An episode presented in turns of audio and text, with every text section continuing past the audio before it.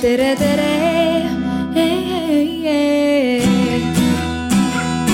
Eestimaa.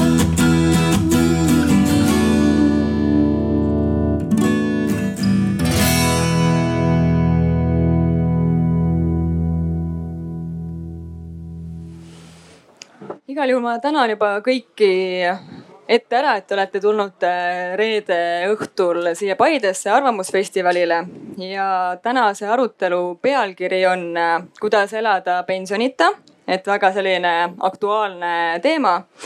ja mis meie tänase arutelu eesmärgiks on?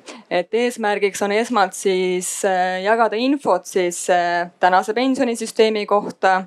Rääkida sellest, millised on tänase pensionisüsteemi väljakutsed, kitsaskohad aga rohkem tahaks täna tegelikult vaadata tulevikku ja arutleda siis võimalike tulevikustsenaariumite üle. et milline võiks olla pensionisüsteem aastal kaks tuhat viiskümmend või isegi veel kaugemas tulevikus ja pakkuda välja siis selliseid alternatiivseid lahendusi praegusele süsteemile. et üritame mitte sellistesse detailidesse takerduda, vaid pigem vaadata tulevikku, rääkida alternatiividest ja kes meil täna siis siia on äh, kogunenud lisaks, äh, lisaks teile. et minu nimi on Kati Voomets ja olen Swedbankis äh, rahaasjade teabekeskuse juht. ja teabekeskuse eesmärgiks ongi siis Baltikumis edendada eestimaalaste finantskirjaoskust ehk siis teisisõnu rahatarkust ja me oleme juba ligi kümme aastat teinud erinevaid uuringuid, analüüse selle kohta, milline on elanike rahaline seis ja ja siis äh, seal alustame siis sealtpoolt, et kes meiega veel on täna ühinenud. et äh, Mare Veerma on siis meil täna pensionäride esindaja. et tema on Järva pensionikoondise juht ja EPÜEL-i juhatuse esimees ka, et siis. liige. liige, aga peaaegu väga aktiivne liige igatahes siis siit äh, Kristjan Tammala on äh, Swedbanki investeerimisfondidest ja tema on siis äh, pensionisüsteemide uurimisega kokku puutunud ligi kakskümmend aastat. ja siis on meil Tõnd Alpsepp, kes on siis ettevõtluskõrgkooli Mainor, teadusjuht ja lisaks ka TalTechi vanemteadur. ja samuti tegeleb ise aktiivselt investeerimisega siis äh, Markus Ehasoo on meil kutsutud täna äh, noorte esindajana, et äh, tema on Eesti Õpilasesinduse Liidu juht. Ja nagu me enne mainis natuke poolnaljaga, ma loodan, et ta on see mõne, see isik siis, kes mõne prognoosi kohaselt tulevikus pensionit ei saagi. Ja siis on Lauri Lepik, kes on siis Tallinna Ülikoolist ja Eesti Demograafia Keskuse vanemteadur, et tundub, et on päris, päris hea koosseis täna seda arutada. ja kuidas siis äh, teie, äh, head kuulajad, saate osaleda, et kuna Arvamusfestival on siiski arutelufestival, siis ma kutsun kõiki üles siis kaasa mõtlema, küsimusi küsima. et ma pöördun teie poole siis teemaplokkide vahepeal, et küsin kohe, kas on küsimusi, mõtteid midagi soovite täiendada ja siis ka lõpus, et kui tekib veel küsimusi, et jätan aega natukene aruteluks. nii ja siis on ka veel lisaks mainin ära, et on ka äh, online keskkonnas võimalik aruteluga ühineda ja juba seal oma mõtteid kirja panna, kui siis siin kohe näiteks ei, ei tule mõni hea mõte või, või tuleb hiljem, et siis saab seal online keskkonnas Arvamusfestivali lehel seda teha aga hakkame siis jooksma, kuna teema on põnev, siis ilma pikema jututa äh, hakkame pihta, et, et räägime siis kõigepealt sellest tänasest pensionisüsteemist ja millised äh, on võib-olla teie arvates need praegused äh, väljakutsed ja kitsaskohad? võtame siit kohe võib-olla Lauri arvamuse, kes on siis äh, demograafia ekspert Eestis nii-öelda no kui rääkida Eesti kontekstis, siis äh, eks neid väljakutseid on loomulikult mitu, et äh, äh, üks seostub nendest loomulikult rahvastiku vananemisega, sellega, et, et vanemaealiste osakaal rahvastikus suureneb ja ta suureneb seda kahel põhjusel. üks on eluea kasv ja teine on siis allapoole taastetaset sündivus aga no ütleme, see on võib-olla mm, selline tehnilisem pool, eks mm, selle nii-öelda demograafilise laine ja, ja väljakutse kõrval on ka mm, hulk subjektiivset rahulolematust praeguse süsteemiga erinevalt, erinevatest nurkadest tegelikult kriitikat. et nii pensionide tänase taseme suhtes kui ka siis noh, ütleme tuleviku perspektiivide ja väljavaadete suhtes, et, et mis saab minu pensionist kunagi, kunagi hiljem. et sellist subjektiivset määramatust ja, ja, ja, ja risti vastukäivaid äh, vaatenurki sellele süsteemile, et, et, et see on kindlasti selline nagu subjektiivne.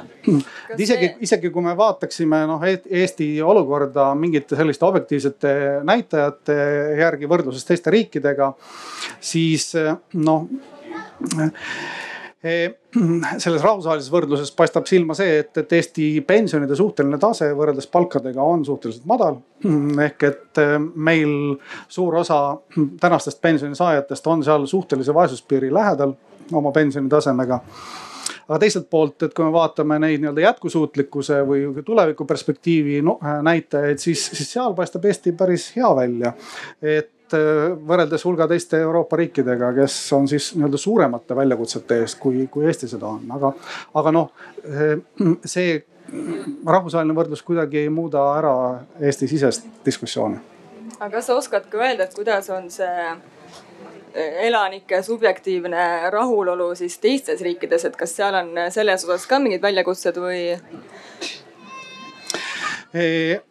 noh kui me Eestiga oleme selles olukorras, kus meie nii-öelda pensionide suhteline tase on suhteliselt väike, siis, siis äh, kui nüüd jätta Baltimaad ja, ja muu Ida-Euroopa kõrvale, siis, siis noh, muudes riikides see küsimus on pigem selline, et kas me tulevikus saame veel seda luksust lubada mm. et teistpidi pigem. nii, kas äh, siit soovite kommenteerida, mis teie arvates on praegu need väljakutsed, mida teie näete? lisaks ütleme, mis siin juba eelpool mainiti et kui ma enda vaatevinklist vaatan, et mis on siis, et äh, nii-öelda investeerimisvaldkond äh,, siis noh, kindlasti on väljakutse just see, et, et kuidas oleks kõige parem ja kuidas kõige paremal viisil siis äh, inimesed, kes siis tulevad tulevikus pensionile lähevad, suudavad siis oma nii-öelda pensionisääste kasvatada, olgu siis need, mis nad ise koguvad või, või olgu see siis ühes või teises sambas, mis siis nii-öelda pool sunduslikult või vabatahtlikult siis nende eest kogutakse. võib-olla üks selline asi mida on ka nüüd nagu muudetud, et tegelikult meil on, ütleme nii, et pensionisüsteem laiemalt on ju üks hästi suur äh, ümberjagamine, kas siis põlvkonnasiseselt või põlvkondade vaheliselt.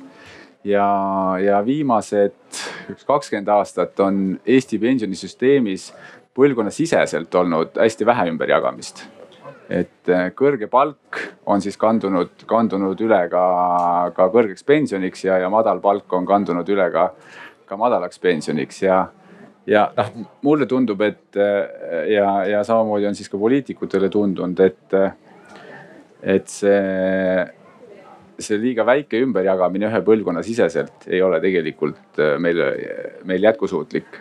et, et see raha, mis meil nii-öelda riikliku pensionina tulevikus kokku maksta, maksta on et, et me ei saa lubada seda, et, et meil ühed saavad väga kõrget pensioni ja selle arvelt siis, siis teised vähem, et, et ma arvan, et meie pensionisüsteem just selle riikliku maksu, sotsiaalmaksust rahastatava, riigieelarvest rahastatava pensioni osas nihkub üha rohkem sinnapoole, et, et, et see ümberjagamine ühe põlvkonna siseselt muutub suuremaks et, et pensioni sõltuvus palgast äh, jääb, jääb, jääb väiksemaks, see on, see on minu arvamus. no min, mina ütleks selliselt, et äh, kui meil ikkagi neid sotsiaalmakse ei tule rohkem juurde ja kui meil tööjõudu on vähe siis kahtlemata äh, aasta kaks tuhat viiskümmend, kaks tuhat kuuskümmend ja need noored, kes praegu kakskümmend neli on, need ju kaks tuhat kuuskümmend lähevad ju pensionile. siis kahtlemata nendel noortel on ju see pensioni saamine äh, küsi-, suure küsimärgi all, kui praegu just nimelt meil ei kasva majandus ja meie ei too, äh, see toodang ja, ja ei tule need just nimelt seda sotsiaalmaksu. sest praegusel momendil on ju meil, kes me praegu pensionärid oleme, on küllaltki kehv olukord.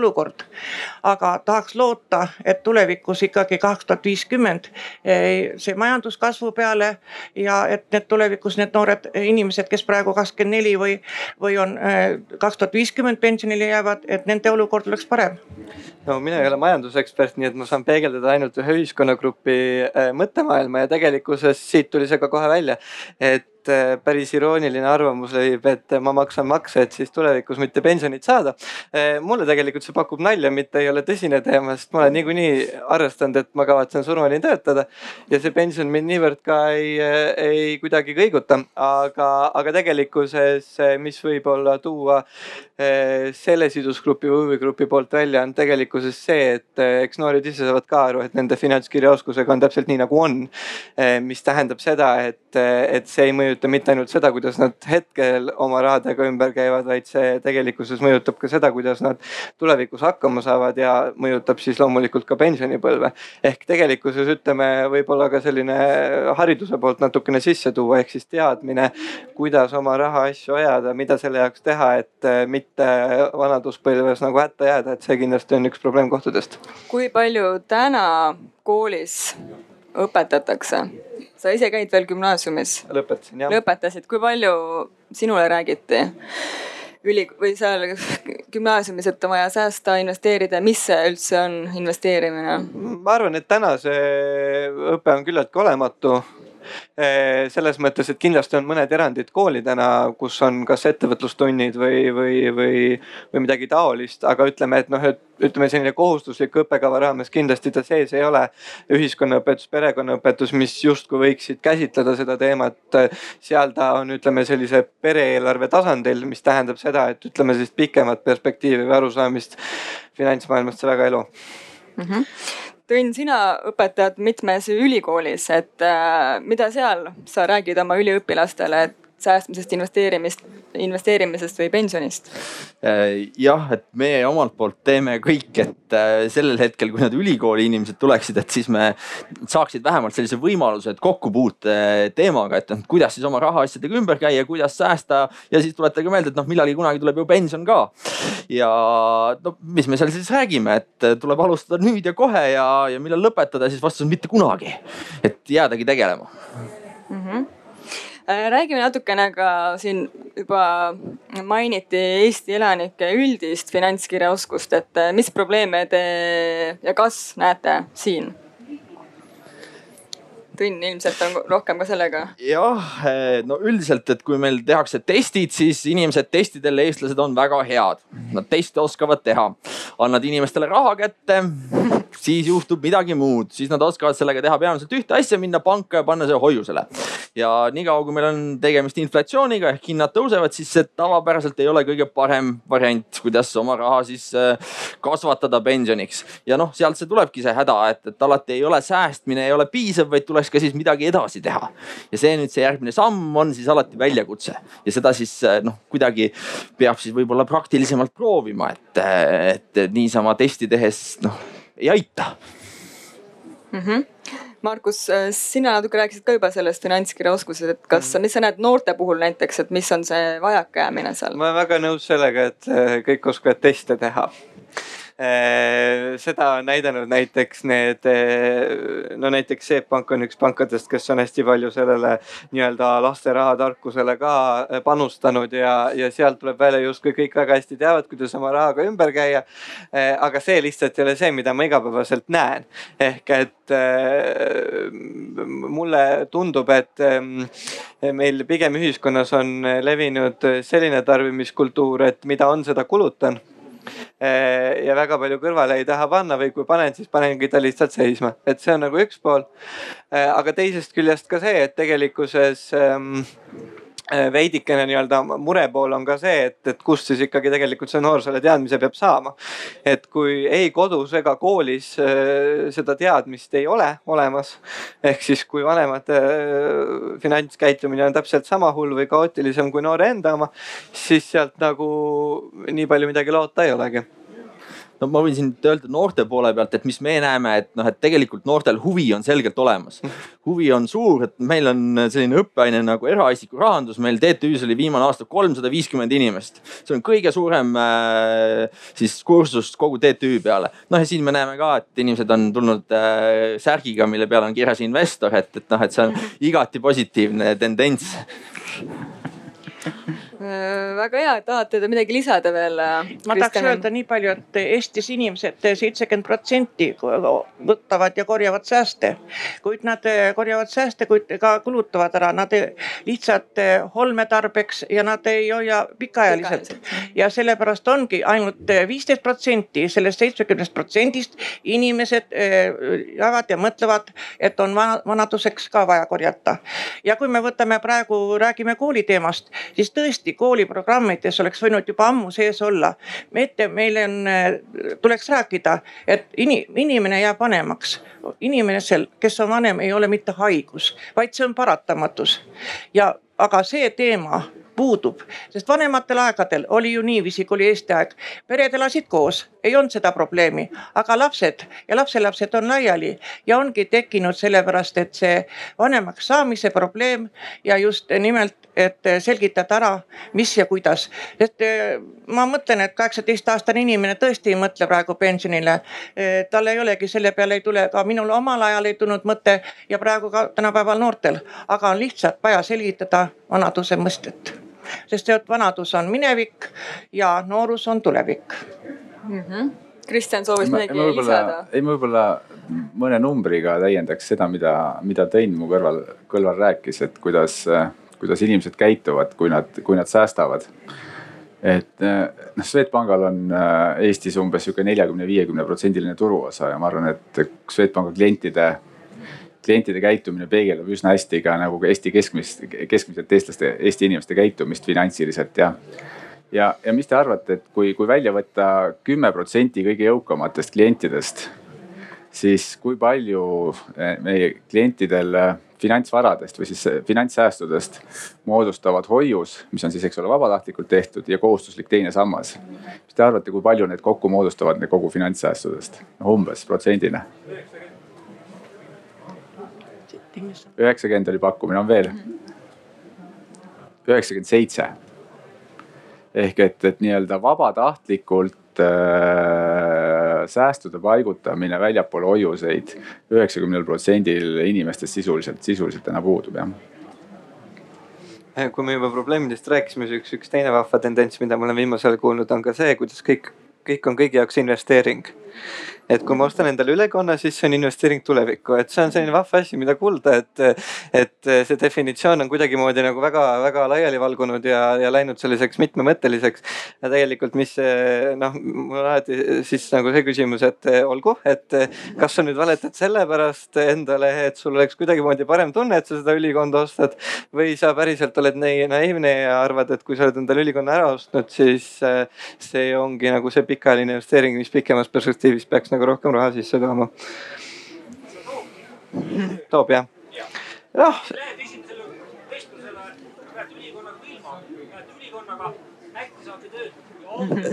Ja no õnneks selline konservatiivne eh, tööturg hakkab ka muutuma, et järjest olulisemad on sotsiaalsed oskused ja, ja mitte see, kuidas sa käid riides või milline sa välja näed. mõnel pool võib ülikond negatiivselt mõjuda. absoluutselt. ometigi on see väike sõna-sõnalt võttes õige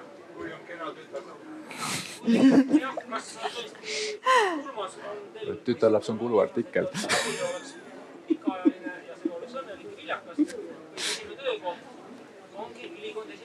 suhteline jah mm,. just. see on. mm. -hmm. ja nõuanne.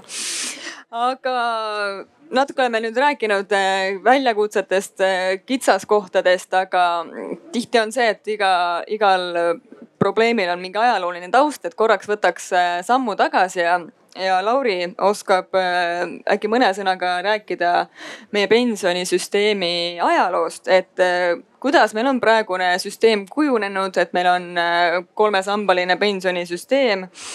et miks see kunagi sellisel kujul loodi ja äkki oskate natuke võrrelda ka ütleme teiste riikidega, et kuidas siis mujal on, et kus on parem kus on midagi sarnast mm? -hmm no eh, tulles selle tänase sessiooni teema juurde ka natukene riivamisi, et ma panin tähele eile Urmas Vadi Vikerraadios eh, andis päeva kommentaari sellises toredas vestevormis ja, ja eh, enam-vähem samal teemal, millest me täna siin peaksime rääkima ja seal ta ka ütles siis nii, et, et mis siis ikka, et vähem kui sada aastat tagasi polnud meil mingit pensioni, ju saab tulevikus ka kuidagi teistmoodi hakkama.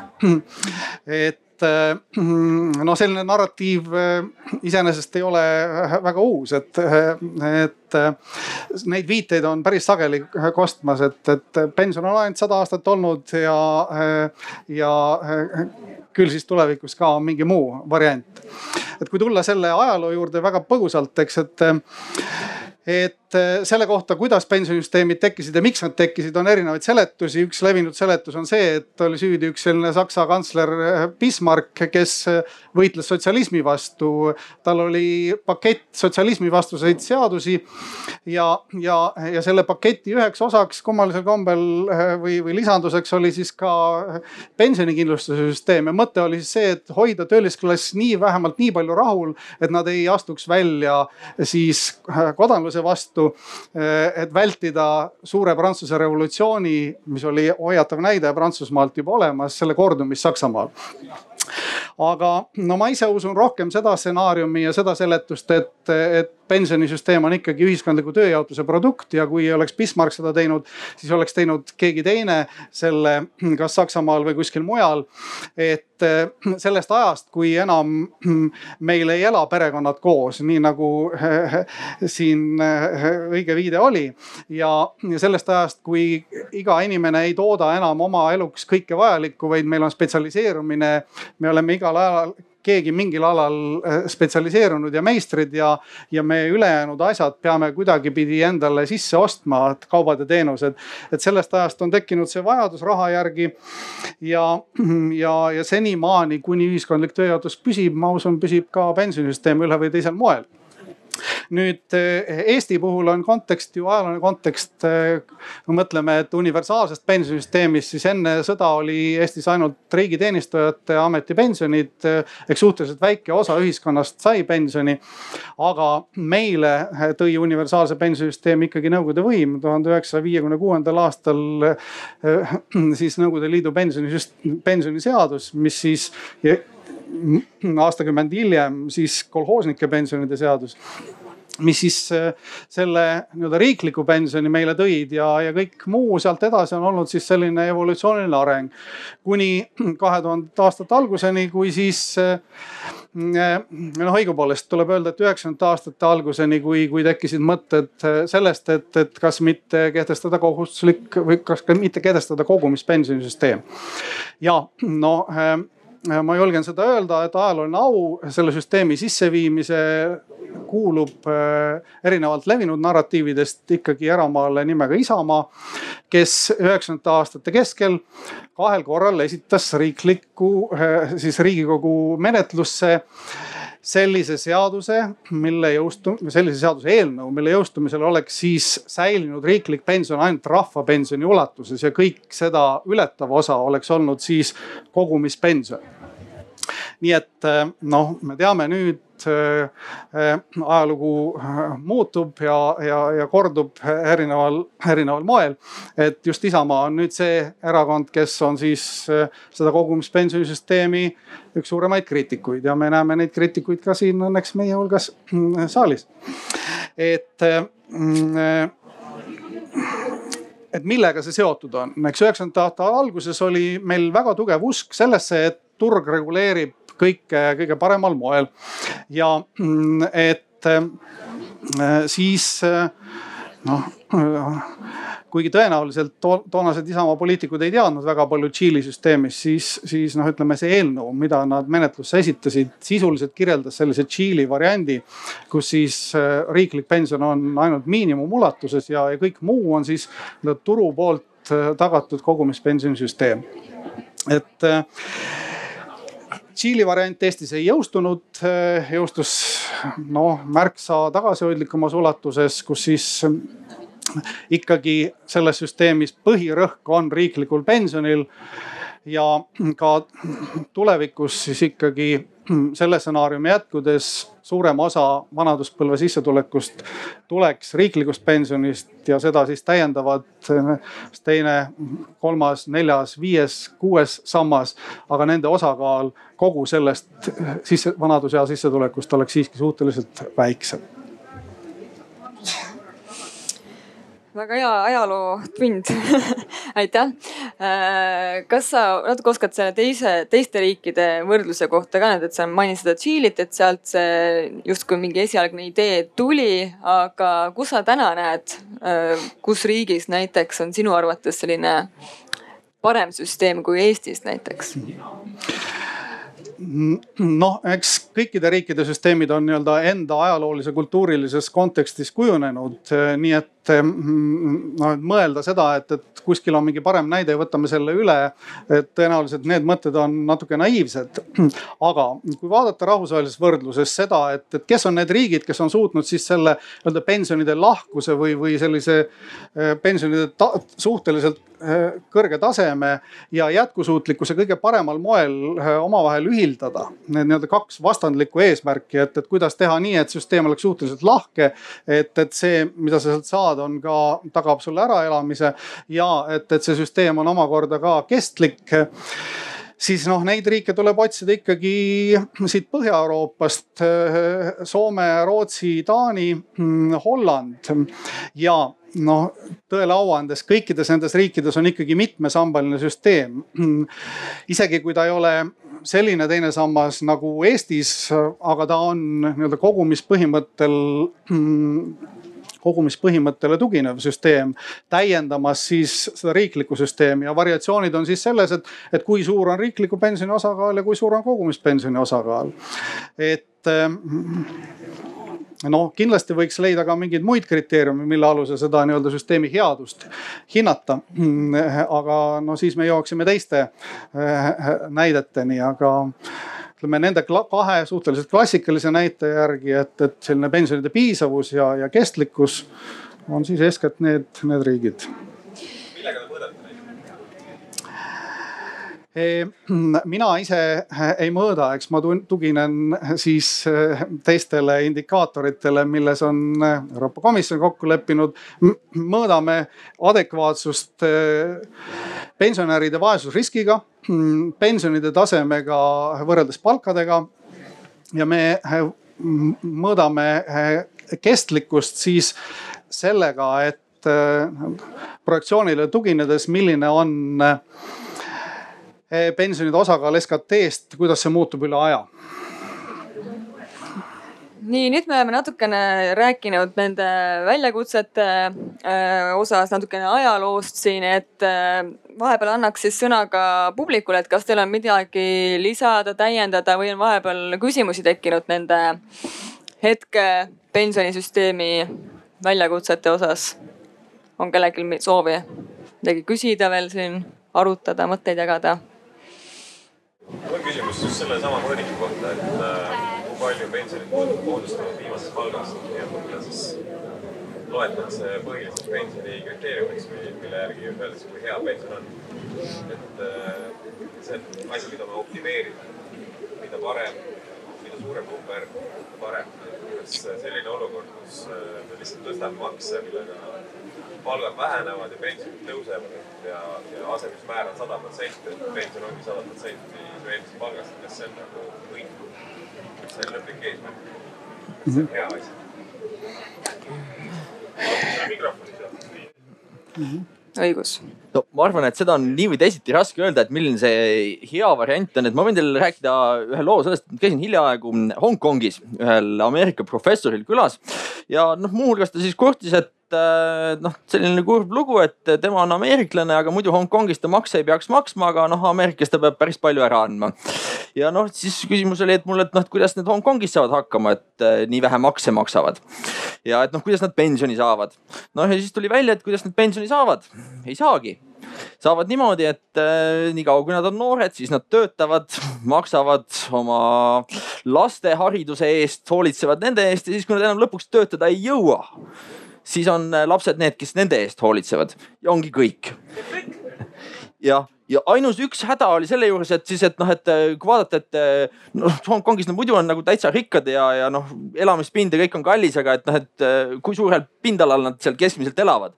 noh, ja tuli välja, et noh, viisteist ruutmeetrit on täitsa okei okay korteri suurus. ja siis me nagu võiksime ka mõelda, et noh, et kus see, kus see siis see tasakaalupunkt on, et noh, et kas asendusmäär on sada või null või kuskil vahepeal. no ja ma arvan, et igaüks siin võib-olla leiab endale sellise ideaalse asendusmäära ise. ei, ma, ma võin ka sellele vastata, et ma arvan, et, et su, su näide, see viib ära pensioni jätkusuutlikkuse, eks ole. et, et seesama, et, et pensionikulutuste osakaal SKP-st. et, et kui me ajame maksud hästi kõrgeks, mida seda finantseerivad, siis see ilmselt läheb nagu käest ära ja mingil hetkel see võib-olla ei ole enam majanduse, majanduse suhtes äh, tallutav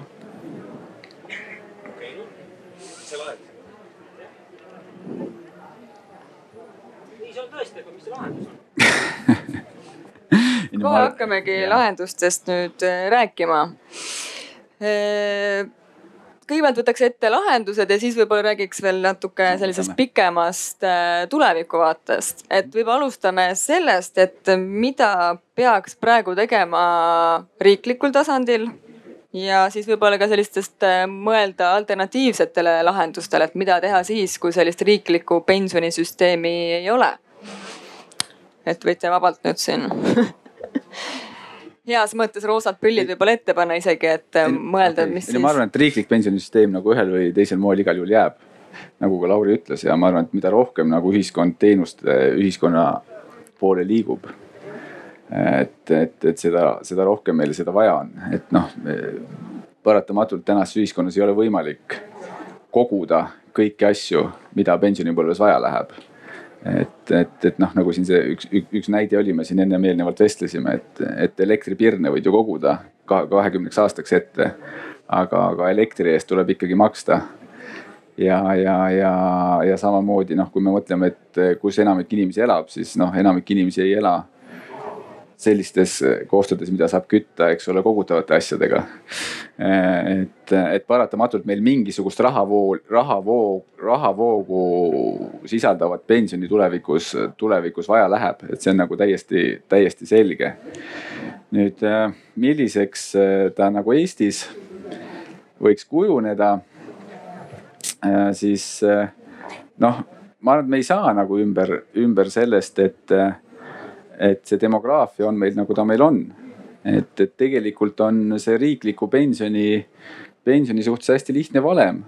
et pensioni ja palga suhe saab olla täpselt selline, milline on pensionit äh, pensioni maksmiseks minev maksumäär, noh täna on see sotsiaalmaksumäär kakskümmend protsenti ja milline on äh, töötajate ja pensionäride suhe et eh, täna meil ta on umbes üks kahele, eks ole, ja noh, kui me korrutamegi kakskümmend protsenti korda kaks, me saamegi, et, et pensioni ja palgasuhe on meil umbes nelikümmend protsenti, nagu ta täna on. et ja, ja noh, ütleme järgmise kahekümne aasta perspektiivis on tegelikult demograafilised trendid suhteliselt hästi etteennustatavad. ma ise küll väga pikaajalisi majandusprognoose, nende suur äh, armastaja ei ole, aga, aga demograafilised trendid on suhteliselt hästi ennustatavad. sest kõik need lapsed kes saavad järgmise kahekümne aasta jooksul, äh, kahekümne aastaseks või sisenevad tööturule, on tänaseks sündinud.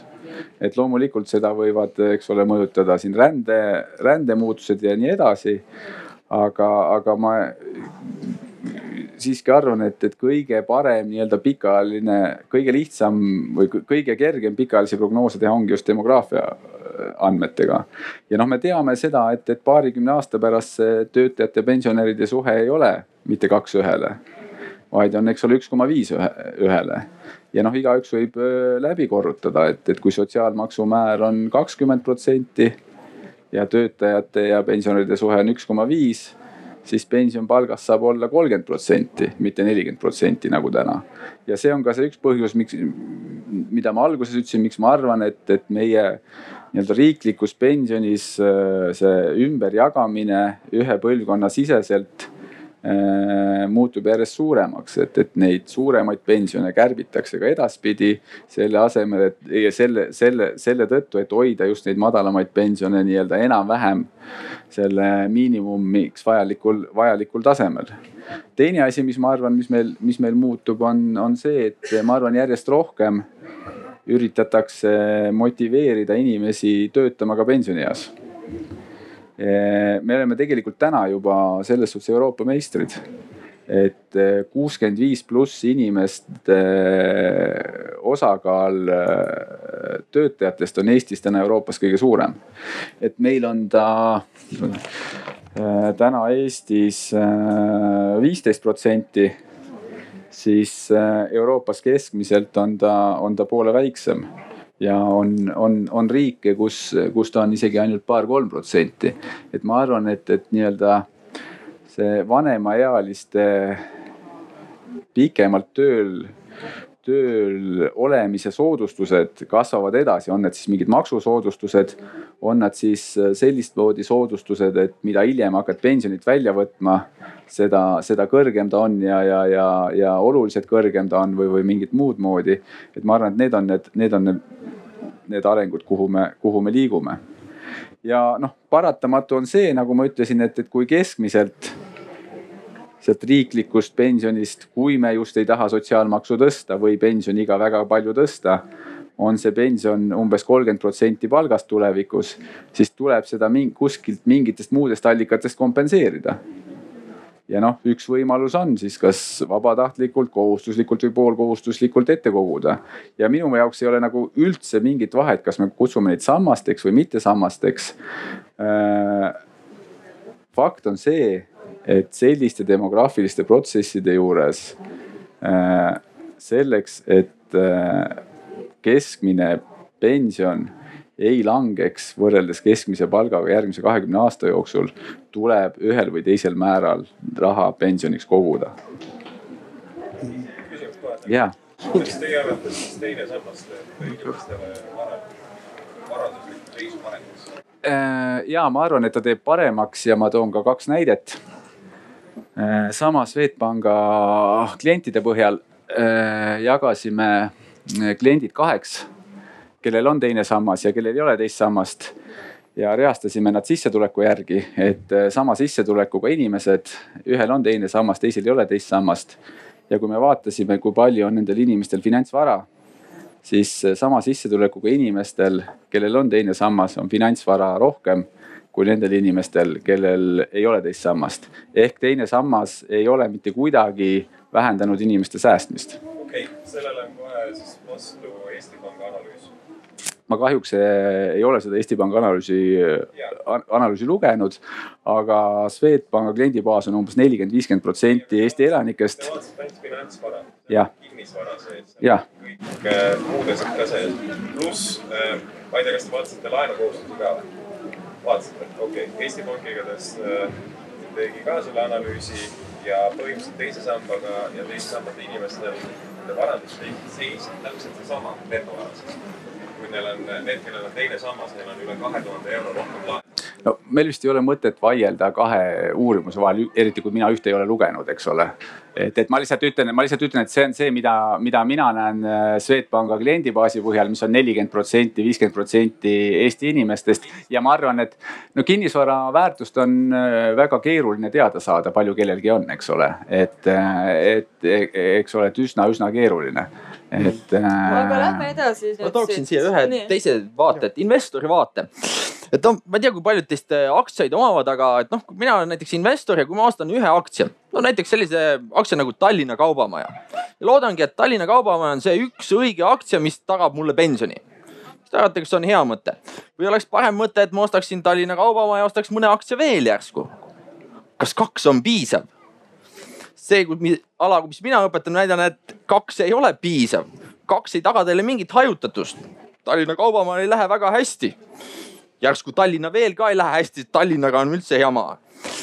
järsku peaks äh, vaatama ka muid sambaid ehk et äh, noh, me peaksime pensionist lähtuma mitte sellest, et meil on kaks sammast või kolm sammast, vaid see, et me kogumegi pensioniks raha ühtemoodi, teistmoodi, minu poolest kasvõi viite-kümmet erinevat moodi ja siis lõpuks loodetavasti mõni asi läheb väga hästi, mõni asi võib-olla ei lähe nii hästi ja lõppkokkuvõttes noh, kes see teist küll keskmine tahab olla, aga noh, tegelikult keskmine ei ole üldse halb olla.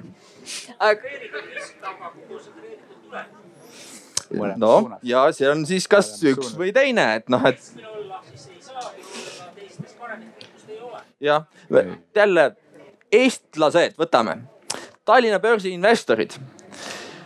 Nendest kaks kolmandikku jääb keskmisele alla.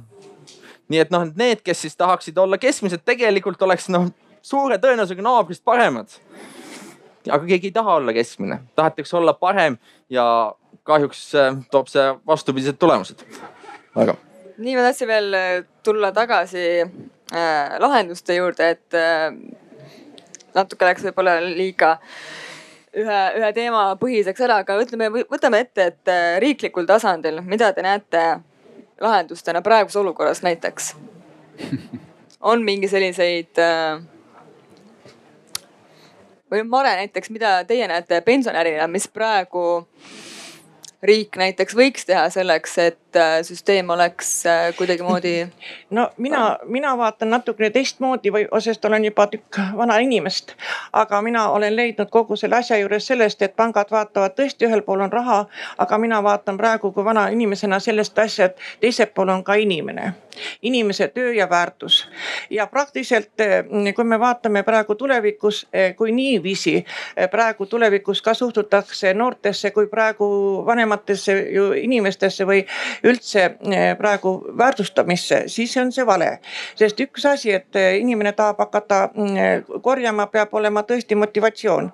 aga mm, mina ei ole leidnud praegu, et inimest nagu eriti nagu hinnatakse või eriti eriti just viiskümmend viis või ja pluss. ja mikspärast, et neil ei ole ka isegi praegu võimalik eriti ka neid töökohti vahetada. aga samaaegselt me tahame, et pensionärid töötavad. me teame, et meil on ju tulemas või on pensionireform kaks tuhat kakskümmend üks, kus on paenu, paenduv eh, tähendab pensionireform, et inimene võib valida oma pensioni aja, kunas ta pensioni läheb. ja, ja teame ka seda, et kaks tuhat kakskümmend seitse on kuuskümmend viis aastat, kõik, kes on sündinud tuhat üheksasada kuuskümmend kaks, jäävad pensionile. aga nüüd mina tahan äh, tuua nüüd äh, sellise asja välja, et, et ähm, kui me vaatame ja siin on võib-olla eranditud natukene võib-olla teemast kõrvale. Äh, meil inimesi kes on nagu vanemas eas ja kui ka tulevikus need noored, kes jäävad, on kahekümne nelja aastased ja suhtutakse niiviisi nendesse kui praegu meisse, siis on küll kurb, sest ajalehtedes ja vanematel inimestel käib niisugune ajaleht nagu Elukaar, oli juttu sellest, et kirjutatakse kõigist lemmikloomadest, tsirkusest, aga seda, et vanemat inimest ja nende tööd väärtustamisest väga vähe kirjutatakse tema on ka teinud tööd ja see tuleks kui väärtustada. kas me oleme näinud, kui on seminarid, festivalid, kas me oleme näinud kusagil, et seminaridel või festivalidel on vanemad inimesed on koos, et sinna tuleb ettevõtja ja ta tõesti räägib sellest, et meil on töökoht, et olge hea, tulge tööle, et vaat, mis sobiks ka teile. või näiteks kutseharidus, eh, et kas tema tuleb ja pakub sellist eh, õpet, mis sobiks ka vanemale inimesele. sest selleks, et tulevikus pensioni saada, ei pea inimesel ei saagi olla ainult üks, vaid tal peab olema õpitud mitu varianti mitu valikut, et töötada mitmel ametikohal, et ära elada. sellepärast elu ja ühiskond on nii kiiresti muutuv ega meil ei on tegemist, ma umbes rääkisin nagu diskrimineerimisega, aga siit tahangi välja tuua, et tulevikus peaks ka muutuma suhtumine, kui nemad on vanemad, need noored, kes ka praegu kakskümmend neli, et väärtustatakse inimest. Me, inimese väärtustamine on väga tähtis ja tema töö väärtustamine ma olen täiesti nõus, aga ma võtaks selle kokku niimoodi, et näiteks seda pensioni teemat ei ole võimalik võtta välja ühiskonnast. ehk siis nagu need teemad on kõik väga omavahel seotud ja äh, mulle lihtsalt meenus äh, enne siia sõites üks selline vahva Hollandi näide, et Hollandis on täna kaks-kolm sellist vanadekodu äh,, millele on äh, noortele välja pakutud selline süsteem, et kui te teete vabatahtlikult paar aastat selles vanadekodus tööd, siis teil on äh, tulevikus garanteeritud tasuta koht sinna äh, ja see süsteem neil töötab, ma tõepoolest ei tea väga palju sinna taha, kuidas nad finantsiliselt nagu suudavad ennast üleval hoida ja loomulikult suur osa peab seal olema siis riigi toetus. aga ütleme niimoodi, et noorel on motivatsiooni seal käia inimeste eest hoolt kandmas, sellepärast et ta teab ka, et tema arvatavasti siis saab sedasama hoolt. nüüd teine asi, mille ma tahaks välja tuua, on ka see, et ma arvan, et natukene on ühiskonnas ka selline ähm, selline generatsioonide vaheline võitlus. et nii nagu eh, toodi välja see, et eh, noor ei salli pensionäri ja pensionär ei salli noort, siis ma tegelikult ütle, tooksin siia siis veel uue aspekti, võib-olla õli tulla, aga minu arvates see generatsioon, kes on praegu eh, vanuses viisteist kuni kolmkümmend, mõtleb vähem selle peale, mida peab mulle tagama riik ehk siis näiteks pension, vaid mõtleb rohkem selle peale, kuidas ta saab ise panustada. a la see on hea ehe näide sellest, kuidas Eestis kodanikuühiskond on aktiviseeritud organiseerunud. Eh, enamus, eh, kes kodanikuühiskonnas aktiivselt osa võtab, on sellest vanusegrupist pärit. ehk et eh, ma iseenesest arvan, et, et kui me alguses lihtsalt naljatasime sellest teemast, et noh, kui mina olen kuuskümmend viis, siis minul pensionit ei ole. et et isegi kui see sellel hetkel osutub reaalsuseks, siis ma ei näe, et, et see tekitaks mingisugust kodusõda. et äh, siin on noh, selles mõttes, et noh, tuues nüüd jälle siis see teine äärmus, et noh, sellisel juhul, kui kõik on väljas selle eest, et töötan oma aastad ära, et pensionile saada, siis meil oleks balletikoolis palju rohkem inimesi, sest seal teadupärast eripension hakkab neljakümne aastasest ehk et eh, minu arust me ei saa päris ikkagi niimoodi vaadata, et me võtame pensioni eraldi, siis räägime, mis selles süsteemis on õigesti valesti, vaid seda tuleb vaadata nii-öelda ühiskonnapildis tervikuna. aga mida sina näedki siis eh, praegu noore inimesena, et sa paar head näidet nagu tõid juba, aga kuidas sina näed, et millised sellised alternatiivsed lahendused oleks sellisele praegusel kujul toimivale pensionisüsteemile? Eh, no see sammaste teema kütab kõigil kirgi, et ma tegelikult olen sellist väikest turu-uuringut enda eagrupi kaaslaste seas siis nagu teinud.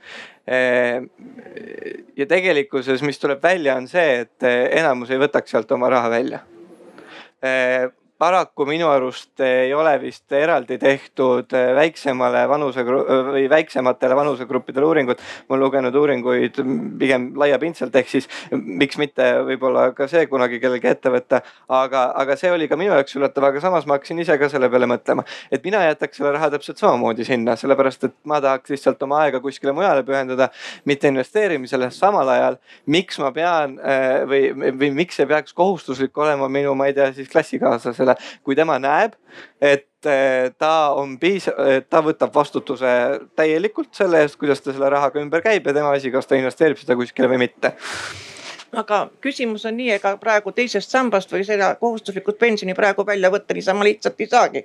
jah, sellepärast et seal on oma tingimused, võib-olla sisse astuda teisesse sambasse on kergem, aga võib-olla sealt välja tulla on võib-olla isegi raskem. ja kui palju kõik inimesed teavadki, kui palju on teisest sambast võimalik üldse välja tulla. nii et kui me räägime, et noh hoida ta ei saa selles suhtes, et kuidas seal hoida, me ei saagi, ta peabki seal hoidma, sest et alles siis, kui ta pensioni saab, saab tema teise samba pensioni kätte ju aga hmm. Lauri, teie käest ka, et mis äh, te näete võimalike lahendustena, alternatiividena praegusele süsteemile? on siin häid lihtsaid lahendusi? No kõigepealt ma ütlen seda, et mul oli väga huvitav eh, neid arvamusi kuulata, et, et ma arvan, et see oli just absoluutselt, et eh, ma ise sain midagi teada. Eh, aga ega ma tulevikku ette näha ei oska ja, ja minu käes ei ole ka ühtegi otsustamise nuppu. et, et ma neid otsuseid teha saaksin, aga see, mis ma arvan, mis tundub mulle tõenäoline kui me mõtleme sellisest keskpikast perspektiivist nagu kaks tuhat, kaks tuhat viiskümmend, mis noh, ei olegi nii ju mägede taga, sest et eh, kahe tuhande viiekümnendal aastal lähevad pensionile need inimesed, kes on eh, täna, kes on sündinud tuhande üheksasaja kaheksakümne teisel aastal või, või siis, või siis hiljem. ja nad on praegu sellised kolmekümne viie, kolmekümne seitsme aastased inimesed, et, et eh, nad on juba hulk aastaid töötanud aga mm, no, alustaks sellest riiklikust pensionisüsteemist, et, et mulle ei tundu tõenäoline, et et äh, lihtsalt võib-olla muidugi see, see semantiline ruum ja tunnetuslik ruum Eesti ühiskonnas muutub aastatega, aga mulle praeguse seisuga ei tundu tõenäoline, et riikliku pensioni poolt tagatav heaolu tase võiks tõusta. pigem on küsimus selles, et, et kui palju ta langeb ja kui kiiresti ta langeb. millest te mõõdate heaolu? no mõõdame nende samade indikaatoritega, mida ma mainisin ikkagi, et, et siis ei, ma, ma, ma mõõdan ikkagi asendusmääraga ja, ja, ja vaesus, pensioni saajate vaesusriskiga. ei, ei no ostujõud, ei, ei noh, ostujõud ei ole ju mitte kunagi on nii kõrge, kui ta täna on eks ole, oot, oot, oot, oot, las ma nüüd räägin. Ostujõud ei ole olnud ju kunagi nii, ostujõud ei ole olnud kordagi nii kõrge, kui ta täna on. ometi meil on probleem, et meil on äh, nii äh,, meil ei ole olnud ka vist nii palju pensionäre suhtelises vaesusriskis, kui meil täna on. no äh, jah. ja, ja, et äh, jah. nagu selle diskussiooniga, aga noh, teoorias on võimalik see, et, et isegi madalam äh, asendusmäär tagab kõrgema ostujõu. jah, muidugi. see on võimalik, et aga noh, ma räägin just selles kontekstis, et, et tõenäoliselt asendusmäär langeb, et ja, ja just. selles mõttes ma olen nõus selles, selle, selle stsenaariumi tõenäosusega, et selles olukorras, kus, kus nagu keskmine asendusmäär langeb tõenäoliselt riiklik pensionisüsteem ei saa tagada nii suurt eh, pensioni suuruste diferentsi. ehk et, et meil on nagu riiklikus pensionis väga suured erinevused kõrgemate pensionite ja madalate pensionite vahel, sest kui see oleks, siis äh, nende inimeste osakaal, kes vaesusesse langeb äh,, kasvaks. Asendusmäär on ju kolmkümmend viis protsenti, ta ei ole nelikümmend protsenti praktiliselt. Jah, eh, tundub, et mikrofon lõpetas töötamise. Eh, ja no siis on nüüd küsimus selles, et, et mis on need eh, muud stsenaariumid, et, et ühte stsenaariumi on siin markeeritud see, et töötame, töötame kuni surmani ja, ja noh ma olen ise viiekümne viie aastane inimene ehk selles kategoorias juba nii-öelda riskirühm, et vanemaealine töötaja. ja, ja loomulikult äh, ka mina mõtlen, et, et ma olen aktiivne nii kaua, kuni ma suudan, aga kõiki stsenaariume ette ei näe, et, et võimalik, et see tööjõud ikkagi langeb enne surma ja, ja ma ei saa selles ulatuses panustada. ja ma tulen nüüd tagasi selle äh, Urmas Vadi hiilgava hm, nagu lühikommentaari juurde, et seal ta ütleb sellise lause, ma tsiteerin, et eks mindki hirmutab mõte sellest, et meie põlvkond ilmselt ei hakka kunagi pensioni saama. ja noh, mingis mõttes sotsiaalteadlasel on siis siukseid huvitavaid kilde selles, selles, selles kommentaaris, et see hirmu narratiiv, et mind hirmutab see mõte, et, et seda me kohtame päris palju ja ei saa öelda, et, et meie diskussioonis osalejad oleksid sellest patust päris puhtad. et, et ka nii-öelda finantssektor on nii meil kui mujal seda hirmu narratiivi pensioni teemal tegelikult kasutanud ja, ja nüüd sellest selles käimasolevas diskussioonis tuleb see hirmu teema ka äh, korduvalt sisse ja, ja tõesti hirm võib olla üks nii-öelda liikuma panev jõud. Äh, äh, et suunata kas mõtlema vanaduspõlveks või, või midagi aktiivselt tegema. et mis on see nii-öelda käivitav tegur, mis siis nii-öelda inimesi paneb kuidagi soovitud suunas käituma, aga, aga hulk inimesi ka tarduvad hirmust ja, ja ei tee mitte midagi, lihtsalt loodavad saatusele, et inimesed on oma käitumiselt erinevad, et me ei saa arvata, et kõik inimesed käituvad ühtemoodi ja nii-öelda reageerivad ühtedele sündmustele samamoodi et noh, kui öelda, et võib-olla on meil liiga vähe hirmutatud ja, ja siin on mõned inimesed kindlasti, kes, kes nagu saavad ja oskavad anda oma panuse selle, sellesse, et kunagi Andrei Vostov kutsus mind kampa levitama sellist Hiobi sõnumit, et et ehmatada ühiskonda just selle kõige mustema stsenaariumiga. et minu põlvkond unustagu pension ei saa, kõik on läbi. ma ütlen otse, et ma ei läinud Vostoviga kaasa.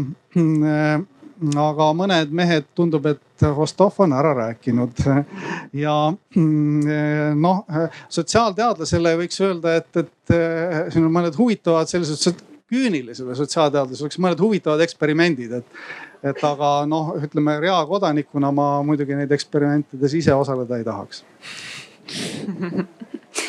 nii, aga võtame nüüd veel mõned küsimused, ma üritan nüüd äh, mikrofoniga kohale minna, et siin on mitu korda üks käsi tõusnud juba. oih, aitäh. üks-kaks siin oli juttu panga esindajalt, et äh, sotsmaks makstakse. kes maksab ja kellele? pensionimaks ja kes on palgatööline, see maksab, äh, tema palgalt võtab äh, tööandja ja maksab pensionikassasse ja pensionimakskassast võetakse raha ja makstakse see kõik raha vanu, vanuritele, pensionäridele ja, ja see toimub iga kuu et nüüd noorele mehele küsimus, et kuidas on võimalik niisuguses olukorras, et pension saab otsa? ei, mitte pension, ei, selles mõttes, ega Jooksvalt need, kes rahasta. praegu pensionit saavad, ega ma ei mõtlegi seda, et nüüd homme juhtub see või järgmine kuu, et pensione välja ei maksta. ei, siin on. neljakümne viie aasta pärast, miks siis otsa saab? ei, ei, ega küsimus ei ole sellest, kas ta saab või ei saa. näiteks mina kujutan ette Eh, või tähendab, kui me, meil on siin see viiekümne, kahe tuhande viiekümnenda aasta visioon, siis mina ei näe selles mingisugust traagikat. kui juhtub see, et kas pensionid jäävad samale tasemele või kaovad lihtsalt ära, sellepärast et riigil ei ole eh, võimalik sellist süsteemi üleval hoida. Ehk siis see on see mõte, see ei ole see, et ideaalmaastik, et, et eh, minu visioon näebki ette, et pensionid kaotame ära. Ei, see ei ole üldse see küsimus. ma ei kujuta ette mingisugust olukorda, kus jooksev pension, mida võtab tööandja, isegi see sotsmaksu pensioniosa maksja, tema, kui ta tuleb trots peale, et ma ei maksa enam siis seda sa ei taha teha, sest tema palgalt võtab tööandja ja maksab ikka, kui ei maksa, tuleb seadus kallale talle. nii et see, see, esimene sammas ei saa, jooksvalt rahastatav sammas ei saa mitte kuidagi otsa saada. eriti siis, kui kasvatatakse veel loomulikku suremust kompenseeriv kolm last pensionimaksjaks, siis ei ma tahan ei, öelda, kuidas, ei... kuidas see must stsenaarium võib äh, käiku tulla. et noh, needsamad noored, kes siin siis üles kasvavad, äh, mingil hetkel valivad äh, sellise erakonna valitsusse, kes ütleb, et teate, sotsiaalmaksu me enam ei maksa mitte kolmkümmend kolm protsenti, vaid teeme kolmteist. Ja pensioniks sellest ei jätku ja teeme nüüd nii, et noh, te olete kakskümmend aastat elanud ja kogunud, et noh, siis. ei ole väga, kogunud, nad on maksnud kogu aeg ära. Nad on maksnud ja nad on ka kogunud. see ongi jooksvalt rahastatav. ja, ja, ja siis on need, kes meie oleme nendest kakskümmend aastat vanemad, see on umbes mina. kogumisosa võib otsa saada, aga jooksvalt rahastatav pension on võimatu. jooksvalt rahastatav pension saab niimoodi otsa, et äh, seda maksu enam ei koguta sotsmaksu ei koguta sellises mahus nagu praegu. puhtalt kohe poliitiline hakkab, otsus. kohe hakkab järgmisel päeval hakkavad öö, pensionärid surema, kuna, kuna need sotsmaksust ei maksa nendele pensionit. ja, ja seda ei lasta juhtuda. jah, see on probleem ei ole probleem, see on probleem ma ütlen, et nemad, nemad valivad valitsuse ja minusugused jäävad pensionist ilma tol hetkel ei ole niisugust võimalust, et, et keegi ütleb, et sotsmaksu enam ei maksa nii et see, see jutt, et, et esimene sammas võib kunagi otsa saada, see on nende jutt, kes tahab kangesti teist sammast sinna peale ei, no. ehitada. ei, ei, ma, ma arvan, et me vist, me vist keegi ei siin paneelis olevatest. on veel? ma võin korraks kommenteerida, minu arust keegi siin paneelis olevatest kuidagi ei, ei esinenud väitega, et, et riiklik äh, maksudest rahastatav pension kuidagi, äh, kuidagi otsa saab, et me vist kõik pigem ütlesime, et, et see mingi ühel või teisel kujul jääb. et pigem ongi siin küsimus, et mis tasemel ta jääb, kuidas ta, kas ta jääb, kui suuresti ta jääb diferentseerituks inimeste vahel, kas ta on ainult mingi minimaalne baastase, sellest kõrgem kui, kui palju seda mõjutab see, kui palju inimene on äh, töötamise ajal palka saanud, kas seda mõjutab rohkem, kas seda mõjutab vähem, kas seda mõjutavad töötatud aastad, võib-olla seda mõjutavad hoopis laste arvu, ma ei tea. aga, aga, aga, aga ma arvan, et keegi ei vaidle vastu sellele, et ühel või teisel määral maksudest rahastatav riiklik pension jääb. ei no keegi pole rääkinud keegi ei olegi seda väitnud. okei okay,, lähme edasi. aga aga aitäh arvamuse eest. kas kellelgi on veel lisada küsimusi, mõtteid siin taga, ma tulen mikrofoniga sisse. siis kuulevad kõik, aitäh. äh,. aitäh, Johanna Vallistu Arenguseire Keskusest äh,. selle diskussiooni alguses me rääkisime sellest, et inimesed ise väga ei säästa vabatahtlikult. Lauri tegi meile ülevaate headest äh, eeskujuriikidest. minu küsimus on see, et miks me ei räägi kõrgemast kohustusliku kogumispensionimäärast selle info taustal, et kuidas me oleme või noh, ma ei taha küsida, kuidas me oleme jõudnud selleni, aga võib-olla, mis võiksid olla need tingimused, et me hakkaksime hoopis rääkima sellest, et me peaksime äh, kohustuslikus korras rohkem säästma. aitäh. aitäh, hea küsimus. ei, ei ma... mina ütlen, et miks mitte jah et noh, mina tegelikult räägin teile, et siin ma, inimesed muidugi kuulevad seda, mida nad tahavad kuulda, et noh, mina siin kuulen, et pensionärid ütlevad, et noh, tegelikult peaks hajutama erinevaid asju, siis äh, noored ütlevad, et noh, et peaks ka erinevaid asju hajutama, et noh, siis ma ütlen ka tegelikult, et noh, et äh, on ta siis nüüd kohustuslik või mitte kohustuslik, et äh, noh tegelikult peakski rohkem koguma, et see ongi see kogu see sõnum. noh, ma arvan, et, et see on nagu laiem diskussioon, et, et et see on ka natuke diskussioon ka sellest, et, et millest me tahame, et meie pensionid tulevikus sõltuvad ja kuidas me tahame, et kuidas nad üksteisest erinevad, eks, et, et noh, kogumispension äh, üsna keeruline on vist ehitada kogumispensionit, äh, kus, mis, mis ei sõltuks äh, sissemaksete suurusest. Ehk kus siis, eks ole, nii-öelda teenitud, äh, ütleme siis, et kas sa teenid rohkem või vähem palka, ei kanduks üle kõrgemasse või madalamasse pensionisse, eks ole. punkt üks.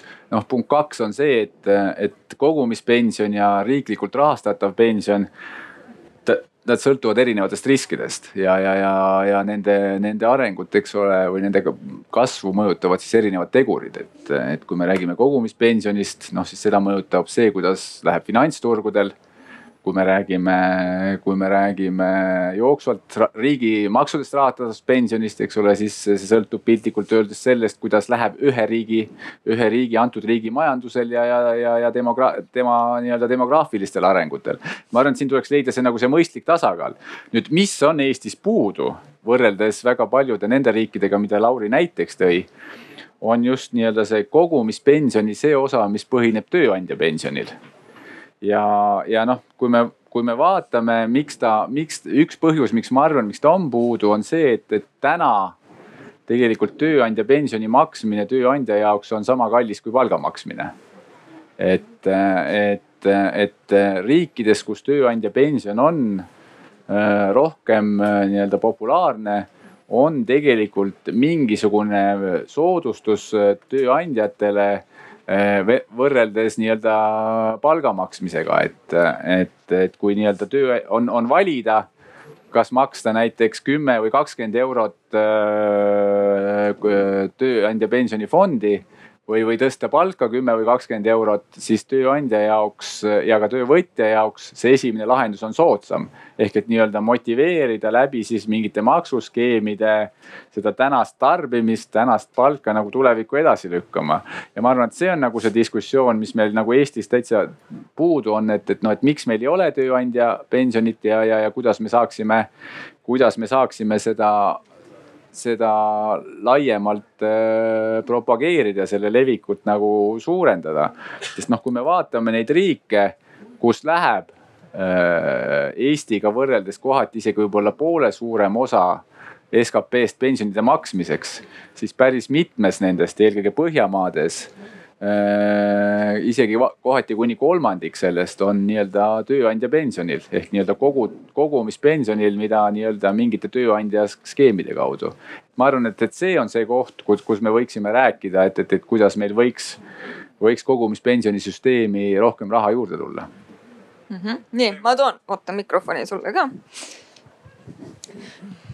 ja natuke vaidleks vastu sellele, et, äh, et Swedi kindlasti see küsitlus oli väga hea, aga Eurostati andmete järgi, et äh, kui me võrdleme riike, kus on teine sammas ja kus ei ole teist sammast, siis säästmismäär äh, on täpselt samasugune, kahekümne protsendi ligi. mida ta mõjutab küll, on see, et äh, noored inimesed, kahe, kakskümmend kuni kolmkümmend, et kui keskmine oli muidu mingi kaks protsenti, siis see tõstis viie peale säästmismäära mis ei pruugi olla hea asi, sellepärast et siis, kui sa oma elu alustad ja, ja tahad oma korterit osta, mis iganes, et siis võib-olla see ei ole hea, et sa, su raha võetakse ära ja pannakse kuskile fondi, kus sa ei saa seda kasutada, sest säästude mõte on ikkagi see, et sa saad neid kasutada, kui sul vaja on. ma tahan äh, rahandusõppejõuna vastata sellele küsimusele, just õppejõuna mm. -hmm. et rääkides sellest asjast nagu liitintress ja intressi suurustest, siis ei ole siin küsimustki, et äh, kellel on kõige mõistlikum säästa, siis vastus on kõige nooremal inimesel üldse.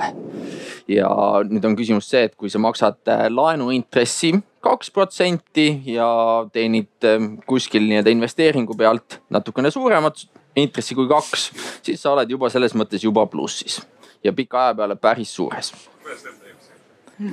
vot ei tea, et äh, süüdistage neid asutusi, kes mulle selle kraadi on andnud. hobusevargad, hobusevargad. laenu, mis teil üldse võimalik saada ja panna kuskile aktsiatesse, kas te teeksite seda praegusel hetkel? Eh, ju liitintress on nii hea asi. just, aga mõelge nüüd ka natukene riskide peale. nii, et kui te nüüd mõtlete, toote selle teise aspekti ka sisse, et nüüd on, kas on mõistlik äh, võtta kogu raha ja panna aktsiatesse? ei no aga. ja vastus on, kindlasti ei ole mõistlik ja ma ei ole seda ka öelnud, et see oleks mõistlik. laenu nagu eestlased täna on teinud kõrgema intressiga ja panna see teise sambasse, kus ta on väiksema tootlusega, kas see on mõistlik? jutt millega, millega võrreldes ta väiksema tootlusega on?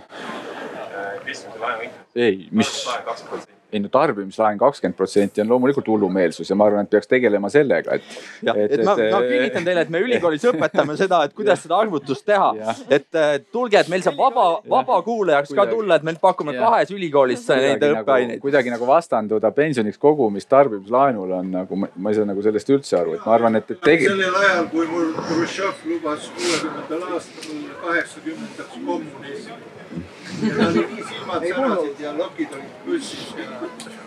aga. Läheme siit edasi nüüd natukene äh, rohkem indiviidi tasandile võib-olla, et äh, me oleme rääkinud äh, praeguse pensionisüsteemi väljakutsetest, võimalikest lahendustest. selleks, et igaüks, kes siit täna ära läheb, oleks võib-olla hea anda siis soovitusi või mõtteid selle kohta, et mida igaüks saaks teha juba täna selleks, et äh, tema vanaduspõlv oleks võib-olla natukenegi helgem kui praeguste prognooside järgi ja praeguste erinevate analüüside järgi, et äh, ma ei tea, alustame Laurist, kas sul on mingeid häid soovitusi, nõuandeid või enda kogemusest? no ja ma ei tahaks ka nii tehniliselt nendest sammastest äh, ainult rääkida, et äh, et Urmas Vadi üks selline toimetulekustrateegia, millest ta seal naljamisi räägib, on see, et hakkame vaikselt äh, kahanema ehk et tõmbame nagu otsi kokku, et, et, et küsime, et kas meil on kõike seda vaja, mis meil praegu on vaja ja kas me võiksime millestki nii-öelda loobuda ja, ja tõtt-öelda eks see on ju äh, paljude vanemate inimeste reaalsus täna ja hulk inimesi seda ka teevad sotsiaalteadlased räägivad sellisest nagu vananemise eraldumisteooriast ehk et, et Äh, aktiivsuse langus ja varasematest tegevustest loobumine ja sotsiaalsete suhete vähenemine ja. ja, ja mingis mõttes ei ole ka midagi teha selles mõttes, et, et kõik need asjad, aktiivsus ja, ja tegutsemine, kontaktid, need küsivad raha. Ehk et, et kui seda raha ei ole nagu endises määras, siis, siis mingis mõttes see, see mm, loobumine ja eraldumine ongi üks vastus, aga, aga tegelikult me seda ju ei taha, me tahame pigem seda, et, et need inimesed oleksid jätkuvalt aktiivsed äh, ja, ja, ja tegutseksid ja, ja nii-öelda oma võimete kohase panuse annaksid nii kaua, kui see on võimalik. ja nii et noh, mingis mõttes äh, see aktiivsuse langus on tõenäoliselt paratamatu, aga, aga ka selleks, et aktiivne olla, on, on vaja sul jooksvalt ikkagi vahendeid. teine asi on see, et et eh, Kristjan mm, jah viitas sellele, et, et mida on võimalik varuda ja mida ei ole võimalik varuda, et, et varuda on võimalik ikkagi nii-öelda tänase päeva ja eilseid kaupu ja teenuseid ja tulevikus tekkivaid võimalusi ei ole võimalik varuda. et eh, kui me keskmine pensionipõlv on umbes kakskümmend aastat siis selle aja jooksul maailm jõuab päris palju muutuda. ehk eh, tehnoloogia muutub, meil tulevad eh, uued vidinad. Eh, aga noh, kõige üks selliseid elulisemaid näiteid on ikkagi see, et tõenäoliselt tulevad uued ravimid ja, ja, ja vanema inimese heaolu sõltub ravimitest üllatavalt palju. et see on ka üks suuremaid kuluartikleid hulgal inimestel selleks on vaja raha ja, ja noh, see miljoni dollari küsimus on loomulikult siis see, et jah, kuidas isegi kui koguda raha, siis kuidas selle väärtust ajas säilitada. ja, ja paremal juhul suurendada ja, ja no siin tõenäoliselt oskavad minust targemad inimesed anda paremat nõu. nii, Markus, soovitusi jah? ei no ma. või kuidas sina täna teed ka? aga tegelikult mitte võib-olla ka noorte, vaid no miks mitte kõikide, et eh, noh, väga lihtne loogika, et kui haridus ei paku neid vastuseid eh, küsimustele, mis sa küsid, siis otsi kuskilt mujalt. ühesõnaga, mis ma mõtlengi seda, et, et kui me täna siin põhimõtteliselt ka, millega me alustasime, et murekoht on see, et äh, kooliharidus võib-olla ei paku seda teadmist täna äh, finantsalal, mida ta võiks või vähemalt, mis oleks selline kriitiline, et mingigi teadmus oleks olemas. siis äh, lihtne samm see viga ära parandada on võtta ise initsiatiiv kätte. Ja kuidas seda teha? kuidas sina näiteks täna oled seda teinud juba? ma ei alahinda ühegi noore näiteks nutioskusi loomulikult ärge mingisugustele printsidele kuskilt meili teel saatke dollareid, et siis dollareid vastu saada, aga, aga ma mõtlen, et teoreetilist teadmist peaks nagu nii internetis, raamatukogudes päris palju leiduma. Ehm, ja nii palju, kui mina oma tutvusringkonnas olen ringi käinud, siis see on ainult kättevõtmise asi. ehk kui ka noorel endal on huvi, no näiteks eh, LHV Pank on tänuväärse töö ära teinud sellega, et neil on keskkonnas võimalik siis teoreetiliselt proovida investeerimist.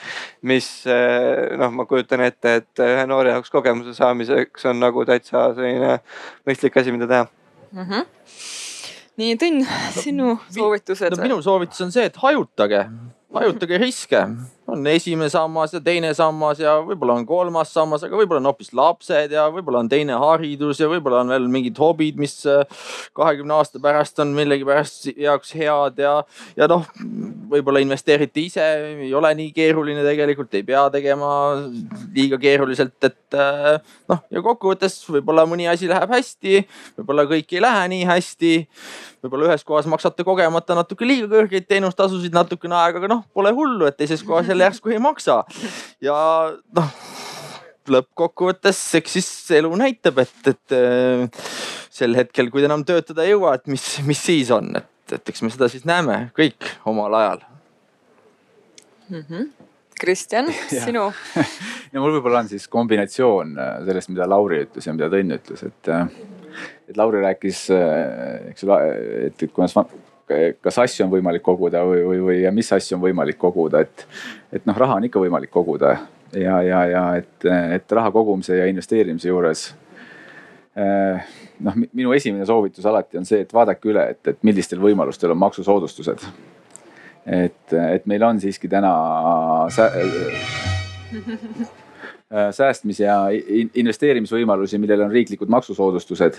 ja, ja näiteks kakskümmend protsenti tulumaksusoodustust tähendab ju tegelikult öö, äh, otseselt seda, et sellel, sellel investeeringul on juba kahekümne protsendiline tootlus, eks et, et, et esimene nõuanne, kes mõtlevad raha säästmisele investeerimisele on, on, on minul alati see, et, et vaadake kõigepealt need kohad üle.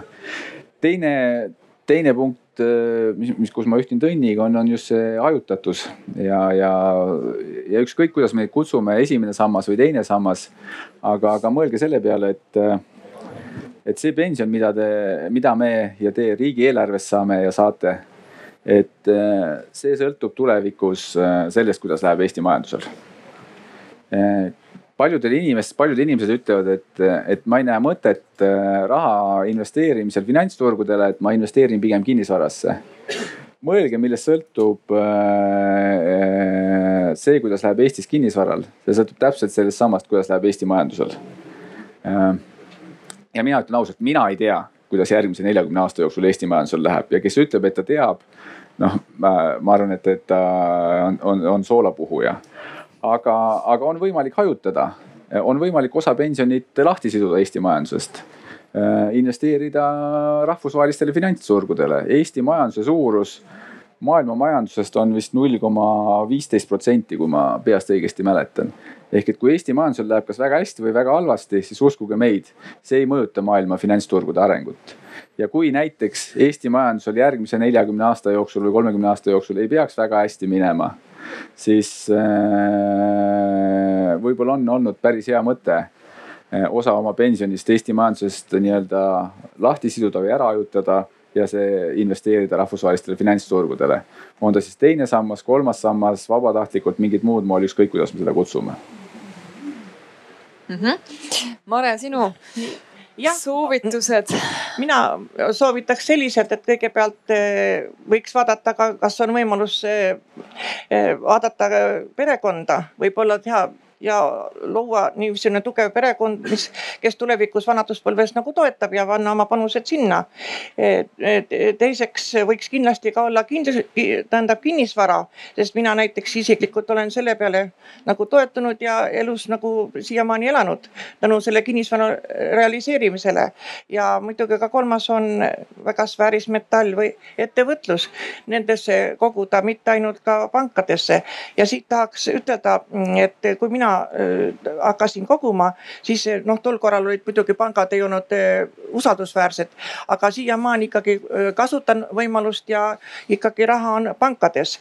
ja ka, mis ma tahan veel lisada juurde teise samba kohta, kui te vaatate teise samba kohta just eriti need, kes jäävad sinna mm,, tähendab teise samba kohuslaseks, siis peaks kindlasti vaatama järgi teises sambas, kuidas paigutatakse teie raha või kuidas on võimalus võimalus, sest et noh, varahaldurid tihtipeale eh, ja üldse pangad või need eh, paigutavad raha võlakirjadesse, mitte aktsiatesse. Need, kes on pikaajalised, need nooremad, need võivad teha nagu riske ja on, saavad rohkem nagu tel, sel moel ka raha nagu väärtuslikumat. aga võlakirjades on see väiksem ja kui ma ei eksi, siis ma siin on panga ma ei tea, kas ma räägin valesti. väga õige, väga õige jutt. Tõnni, Tõnni ülikoolist läbi. jah, et noh. ma ei ole ülikoolis, sest arvestage minu vanadust on, ma ligi kaheksakümne aastane vana inimene. nii, teine, mida ma tahtsin mm, öelda, on praegu see varahalduritel, küll meil on äh, tehtud praegu see mm, kus ei tohi rohkem võtta haldustasu. see on tehtud lagi üks koma kaks protsenti, aga ta on siiski suurem kui Soomes. seda te eitada ei saa. ja teine asi on see, et meil läheb ju nelisada miljonit aastas läheb teise protsendi maksu praegu teisesse sambasse, see on küllaltki suur. kusjuures kaks miljardit on üldse praegu, mis makstakse pensionidele. ja mm, tahaks veel ütelda siia juurde eh, see, et jah, võib-olla ma lõpetan. Siiski, eks ole ja publiku seas, kas teil on äh, nüüd selles osas äh, täiendusi, mõtteid, arvamusi, et mis on potentsiaalsed lahendused, et ärme jääme kinni, ütleme võib-olla hetkeolukorrale, aga mingeid lahendusi, mis te arvate, et võiks olla, et nende üle arutada? nii siin enne oli juttu sellest, et äh, koolides, mõndades valik, valitud koolides siis on olemas mingisugused äh, rahaga seotud äh, tunnid. mina tulen ühest Eesti suurimast koolist, kus oli lausa ettevõtlussuund keskkoolis. ja, ja selle kolme aasta jooksul saime me nii ettevõtluskursuseid, majandus raamatupidamis, investeerimis oli isegi, investeerimine oli isegi valikainena. aga probleem on selles, et äh, ei ole, need professionaalid, kes seda oskavad ja kes seda jagavad, need ei tule kooli õpetama.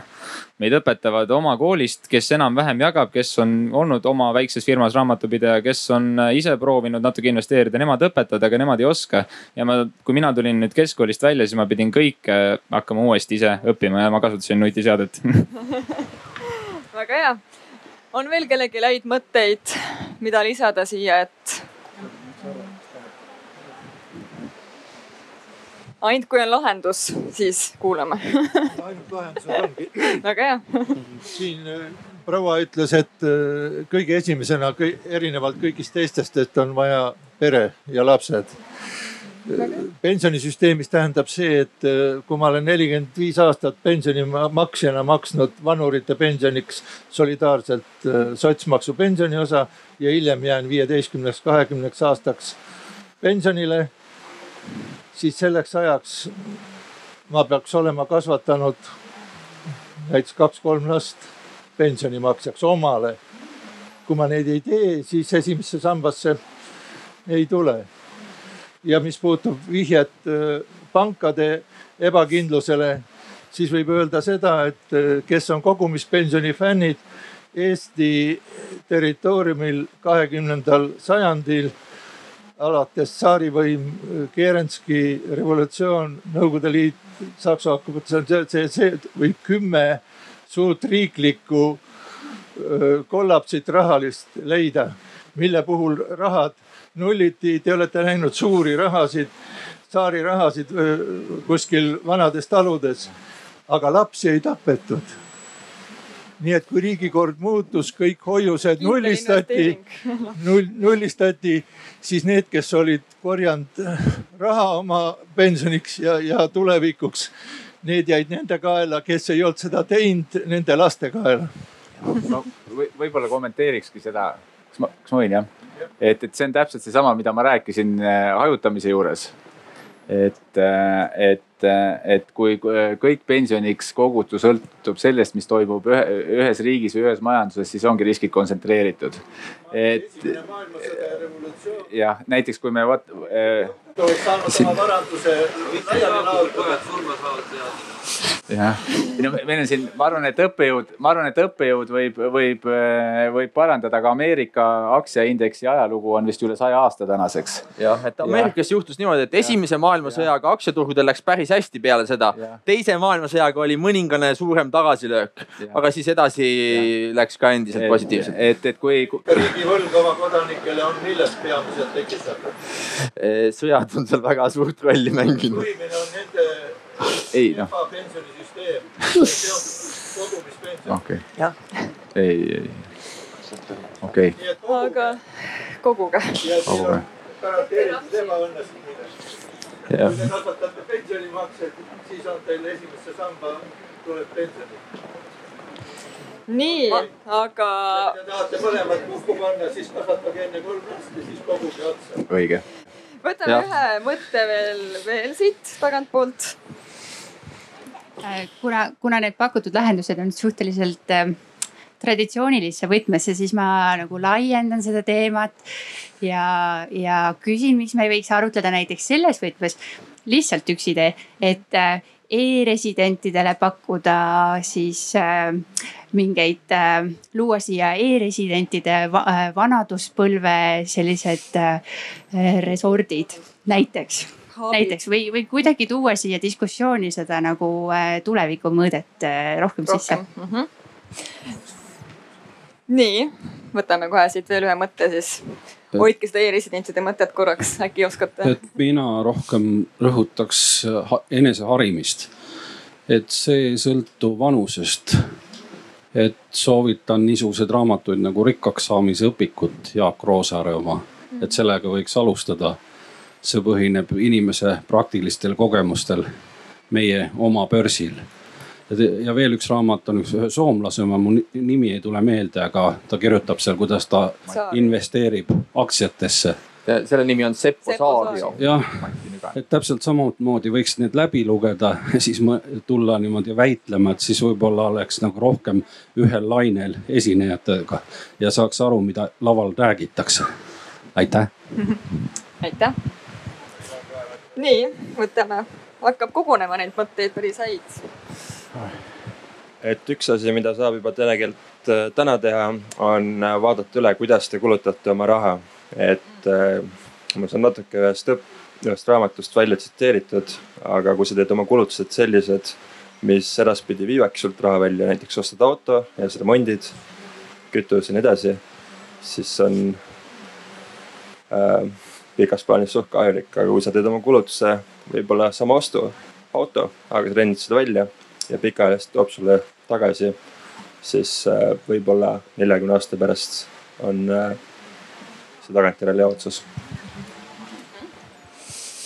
nii palju häid mõtteid tegelikult juba. ma ühe asja lisaks veel. nii, lisa. ma ei tea, kas see on õige, aga minu teada praegu fondihalduritel on äh, vist ka Eestis tulemustasu.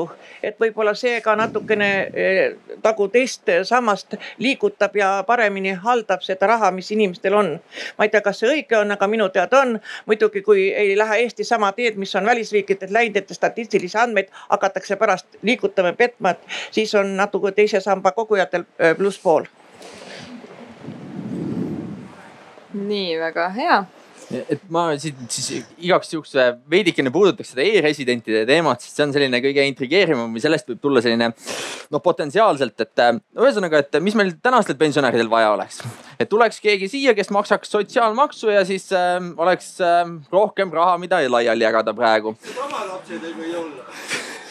see on rullakad.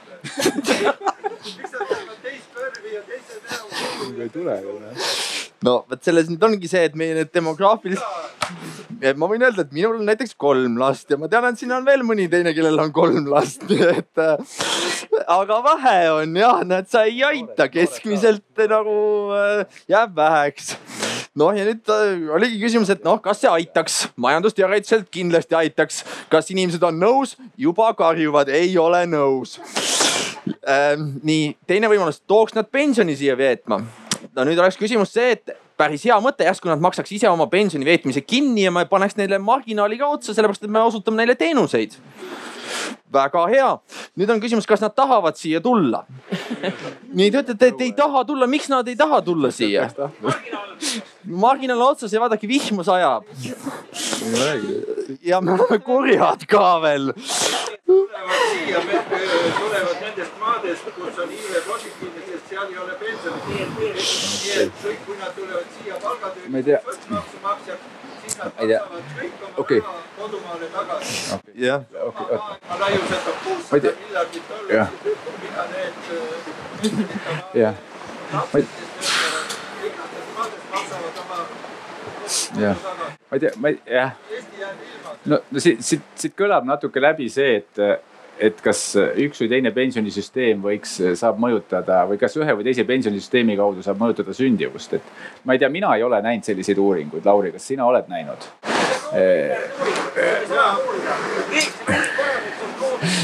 aga see on näha, et kui on kaks magamistuba, üks magamistuba on pensionita riigis ja teine on pensioniga riigis.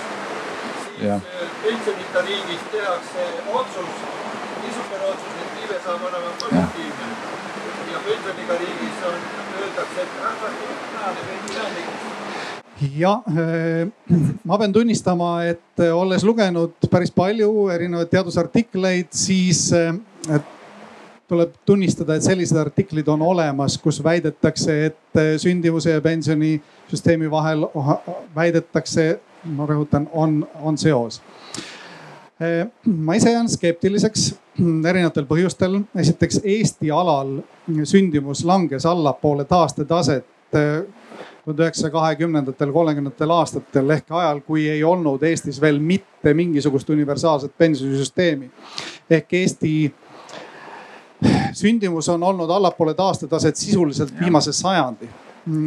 kuigi universaalne pensionisüsteem, nagu ma ütlesin, on alles aastast tuhat üheksasada viiskümmend kuus. ehk et need protsessid nagu vähemalt ajalooliselt ei näita nagu mingit põhjuslikku seost nüüd muidugi võib arutleda selle üle, et isegi kui see ajalooliselt nii ei olnud, võib-olla, et me teeme pensionisüsteemi ümber nii, et, et me äh, selle süsteemiga hakkame sündimust mõjutama, kas siis nii, et äh, ütleme sellise negatiivse stsenaariumiga, et me kaotame pensioni ära, siis muud ei jää üle, kui jälle tugineda perekondlikele võrgustikele. Nagu härra Taklaja siin on seda erinevates foorumites välja pakkunud. või siis, et me muudame neid stiimuleid pensionisüsteemi sees, nii et me nii-öelda seome pensioni suuruse laste arvuga või, või siis mingil muul moel. no ma ütleks ühe provokatiivse mõtte siia lõpuks juurde, et, et ma arvan, et Isamaa äh, poliitikud lasevad hetkel käest suurepärase võimaluse kehtestada Eestis lastetusmaks. miks nad lasevad selle käest, sellepärast et põhimõtteliselt oleks võimalik see teise sammas niimoodi reformida, et äh, temast sisuliselt saaks lastetusmaks. selle sellel lihtsal moel, et äh, teine sammas jääb kõigile kohustuslikuks, aga kui sul on kolm last Just. sündinud, siis välja. Äh, sa saad oma raha välja võtta ja see põhimõte on siis selline, et, et et nii nagu härra Taklaja seda ütleb, et sa oled andnud piisava keskmist panuse ja sul on seda raha vaja oma laste kasvatamiseks, aga tundub, et nüüd see viimane reform läheb siiski natuke teises suunas. ehk et, et see raha lubatakse kanda inimesel esimesse sambasse selleks, et saaks siis äh, seda jooksvaid pensione suurendada aga selle intrig-. kostab sellega äh, lapsi mitte muretsema, kakssada tuhat mitte muretsetud lapse eest. selle intrigeeriva mõttega kahjuks me täna peame lõpetama. väga huvitav mõte lõpetuseks. lasendusmaks oli see mõte äh, tänasest arutelust sünnib artikkel ja see artikkel läheb kindlasti üles meie Swedbanki blogis Kukkur võib-olla ka kuskile intrigeerivate mõtete tõttu kuskile veel lisaks. ja see salvestus on leitav ka pärast SoundCloudist, et see äh, podcast'ina äh, ma loodan, et te saite täna mingisuguseid mõtteid siin, vähemalt kasvõi iseenda jaoks korjasite mingeid äh, soovitusi ülesse. ja siis ma tänan kõiki, kes arutelus osalesid, nii publikut kui paneliste ja arutelu saab kindlasti veel pärast siin puude all võib-olla jätkuda, et kui siin lastetusmaksu teemal, aga aitäh kõikidele